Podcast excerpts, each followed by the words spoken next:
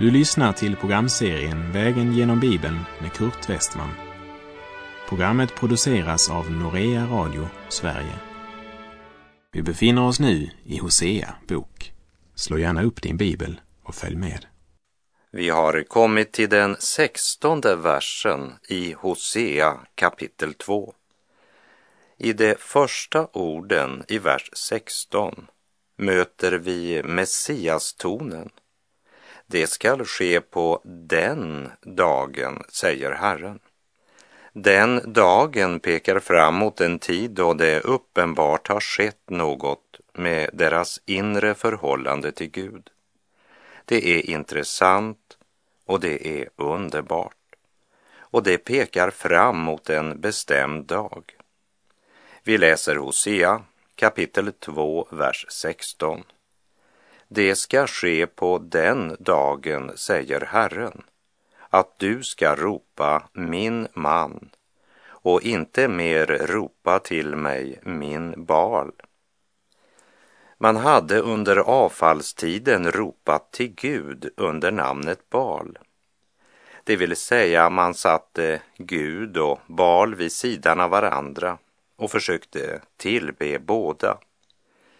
Man behöll aktiviteterna i templet samtidigt som livet styrdes av den egna lusten, av mammon och omoral. En omöjlig kombination. Och Herren säger att det ska komma en dag då Israels folk ska kalla Herren min man och det ska bli helhjärtat. Balsropen ska tystna den dagen. Här går mina tankar till orden i Höga visan 6, vers 2 som säger Jag är min väns och min vän är min där han för sin jord i bet bland liljor. Och när det är relationen i ett äktenskap, ja då är det också ett lyckligt hem mitt i all vardagskamp. Inte problemfritt, men en relation där de båda parterna mitt i livets alla stormar ser varandra som en del av lösningen och inte som en del av problemet. Det ska komma en dag då folket i Israel ska säga min man om Herren Gud. Och då ska de inte mer ropa min barn. Det talar om ett inre helande. Det handlar inte längre om ett delat hjärta, men om en relation som blivit helhjärtad. Och det är Herren som har gjort det. Herren har gjort Akors dal till en hoppets port. Och Israels folk sjunger som i sin ungdomsdagar som på den dag då man drog upp ur Egypten Egyptens land. En ny bekännelse fyller folkets hjärtan och vad hjärtat är fullt av, det talar munnen. Herren använder bilden av ett äktenskap där kärleksrelationen fungerar. Där man står tillsammans i kampen för ekonomin, där man inte söker sin egen lycka utan den andres, där man är trygga på varandra och där barnen får växa upp i denna trygghet. Och jag talar inte om något fullkomligt eller perfekt, men om en kärleksrelation som fungerar mitt i all ofullkomlighet. Det är underbart att ha den relationen till Gud med den skillnaden att han är fullkomlig. Och där den kärleksrelationen till Gud finns, så säger Paulus i Första Korinthierbrevet 3, verserna 21 till och med 23. Därför ska ingen berömma sig av människor, eftersom allting är ert. Det må vara Paulus, Apollos eller Kefas, det må vara världen, liv eller död, nutid eller framtid. Allting är ert. Men själva tillhör ni Kristus och Kristus tillhör Gud. Hosea 2.16 talade om att de inte mer skulle ropa min Bal. De hade tagit både Guds och Bals namn i sin mun eftersom deras hjärtan var delade. Och i Matteus 7.21 säger Jesus inte ska var och en som säger Herre, Herre till mig komma in i himmelriket, utan den som gör min himmelske faders vilja. Många ska säga till mig på den dagen, Herre, Herre, har vi inte profeterat med hjälp av ditt namn och med hjälp av ditt namn drivit ut onda andar och med hjälp av ditt namn gjort många kraftgärningar? Men då ska jag säga dem sanningen. Jag har aldrig känt er. Gå bort ifrån mig, ni laglösa. Det är den personliga relationen till Jesus Kristus som är avgörande. Frågan är densamma än idag som då Jesus frågade Simon, Johannes son, älskar du mig? Och han svarade, Ja, Herre, du vet att jag har dig kär. Vi läser Hosea 2, vers 17. Balernas namn skall jag ta bort ur hennes mun så att man inte mer skall komma ihåg deras namn. Det är inte bara sättet att tala som har förändrats. Det har skett en inre förvandling. Man tänker inte mer på balsgudarna. Man kommer inte mer ihåg deras namn. Deras nya bekännelse bryter fram på ett sådant sätt att det inte längre är plats för den gamla. Man har insett att det är ett antingen eller. Kompromissandets tid är förbi. Det är slut på avgudstyrkan. Nu är Herren deras Gud, både när det gäller hjärtats tro och munnens bekännelse. Vi läser Hosea 2, vers 18. På den dagen ska jag för deras räkning sluta ett förbund med djuren på marken, med fåglarna under himmelen och med kräldjuren på jorden. Båge och svärd och vad som hör till kriget ska jag bryta sönder och skaffa bort ur landet och låta dem bo i trygghet. På den dagen, det är alltså en framtidsprofetia som pekar fram emot den tid profeten Jesaja talar om i Jesaja 11, vers 6. Vargar ska bo tillsammans med lamm, leoparder ligga bland killingar, kalvar och unga lejon och gödboskap ska vara tillsammans och en liten pojke skall valla dem.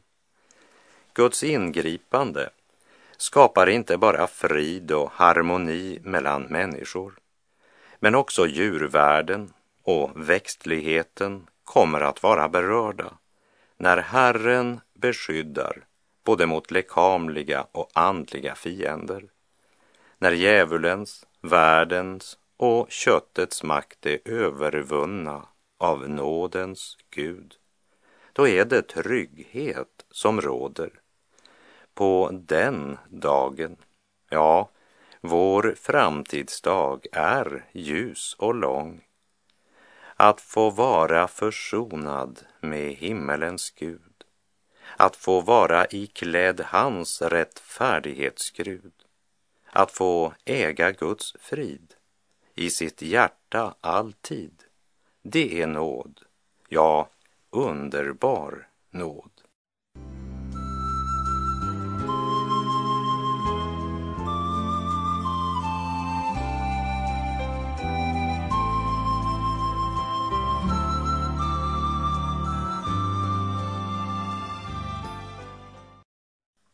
Vi läser Hosea kapitel 2, vers 19 och 20.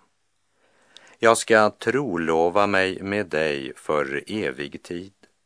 Ja, jag skall trolova mig med dig i rättfärdighet och rätt, i kärlek och barmhärtighet. Jag skall trolova mig med dig i trohet och du skall så känna Herren. På vilket sätt ska Gud trolova sig med Israel? Jo, i rättfärdighet och rätt, i kärlek och barmhärtighet. Som du ser så finns barmhärtigheten även i det gamla förbundet. Precis som vi kan se kärleken och omsorgen också i lagen, så har även kärleken en lag. Och det gäller även relationen till Gud. Och ingenstans, varken i gamla eller nya testamentet, framställs livet i Gud som en kravlös gemenskap, utan Jesus, han talar om att beräkna kostnaden. Men i detta nya trolovningsförhållande är initiativet helt uppenbart Guds. Jag skall, säger Herren. Inte nog med att han tar tillbaka den otrogna kvinnan som bedragit honom. Men Herren upprättar kvinnan på ett sådant sätt att det som ligger bak utplånas. Det gamla finns inte mer. Gud har gjort något nytt. Så totalt nytt och så fullkomligt att den nya trolovningen sker som om hustrun skulle vara en jungfru. Och det är en av orsakerna till att jag inte tror att Israels nuvarande återvändande till landet är en uppfyllelse av denna profetia. För denna profetia, den talar om den dag då Gud ska föra henne tillbaka i rättfärdighet och rätt, i kärlek och barmhärtighet. Och det är inte den andliga situationen i Israel just nu. Men den dagen ska komma, det säger Guds ord. Avgudadyrkan och omoral flödar ännu starkt i Israel och de är avfälliga i relation till den helige, precis som kyrkan är idag. Men Gud gör något nytt. Jag ska trolova mig med dig i trohet och du skall så känna Herren. Det är inte situationen i Israel idag. Men lyssna nu, kära vän, och hör vad Guds ord säger i Hosea 2, verserna 21 och 22. Och det ska ske på den dagen att jag ska bönhöra, säger Herren. Jag skall bönhöra himlen och den skall bönhöra jorden. Och jorden ska bönhöra säden, vinet och oljan och det skall bönhöra Israel. Efter bedrövelsen i Akors dal följer nu den andliga trolovningen. Och här vill jag citera vad Paulus skriver till de troende i Efesus i Efesebrevet 5, verserna 29 till och med 32. Ingen har någonsin hatat sin egen kropp, utan man ger den näring och vårdar den, så som Kristus gör med församlingen, eftersom vi är lemmar i hans kropp. Därför skall en man lämna sin far och sin mor och hålla sig till sin hustru, och de två skall vara ett kött. Denna hemlighet är stor. Jag talar om Kristus och församlingen. Kristi rättfärdighet är den grund som trolovningen vilar på. Och Gud säger att han ska höra bönerna. Därmed stadfäster han att allt gott kommer från honom. Förbannelsen och domen är borttagna. Vägen till nåd går genom Herrens dom och det är han som verkställer allt detta. Men det som krävs av människan är att hon låter denna dom gå över sitt liv och att hon tror evangelium och genom tron tar emot nåd och barmhärtighet. Den allsmäktige som sitter på tronen ska bönhöra sitt Israel, både när det gäller det lekamliga och det andliga. Och denna hemlighet är stor. Jag talar om Kristus och församlingen.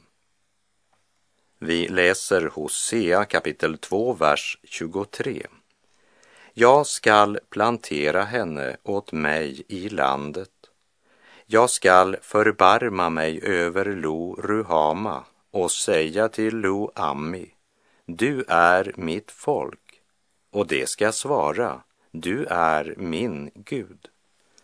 Kapitlets sista vers, det är ett ordspel på namnet till två av Gomers barn.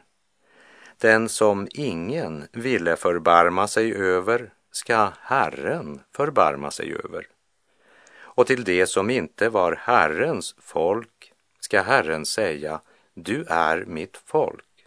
Och de ska svara, du är min Gud. Det är väl eh, inte det som är grundtonen i Israel idag och tyvärr inte heller i kyrkan.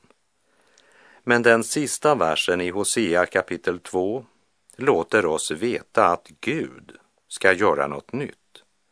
Både Lo Ruhama och Lo Ammi ska få nya namn och det ska svara Du är min Gud.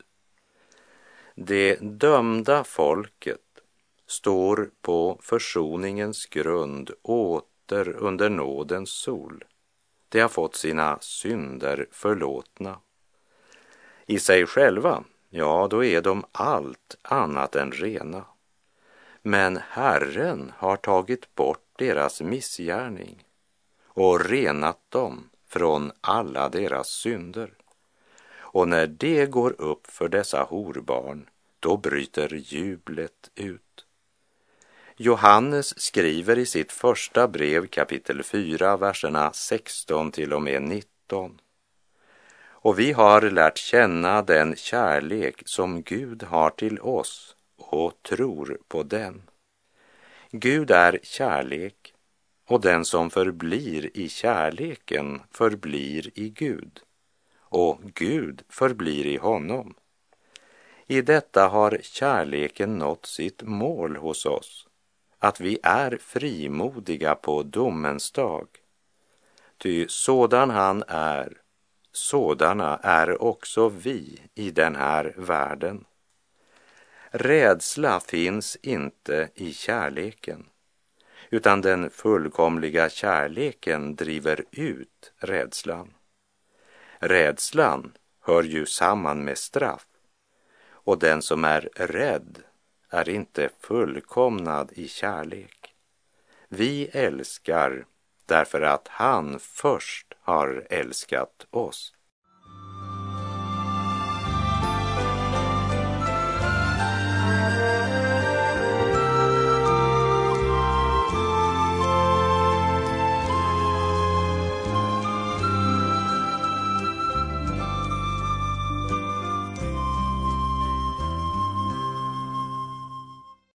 Hur eh, fullkomlig och hur gränslös Guds kärlek är, det kan vi inte förstå. Men genom den order Hosea får av Gud anar vi både hur oförtjänta vi är att få äga Guds kärlek och att Gud älskar den djupast fallna. Och vi anar något av smärtan och förödmjukelsen för Hosea och hur obegripligt det är att Gud älskar det fallna människosläktet så högt. Efter allt Hosea hade varit igenom skulle man vänta att Gud hade sagt, nu får det vara nog. Du kan bara glömma Gomer. Hennes hjärta har aldrig tillhört dig. Hon har länge nog varit dig otrogen. Hon har inte längre en hustrus rättigheter. Men vad säger Gud till profeten? Hör vad som står i Hosea 3, vers 1.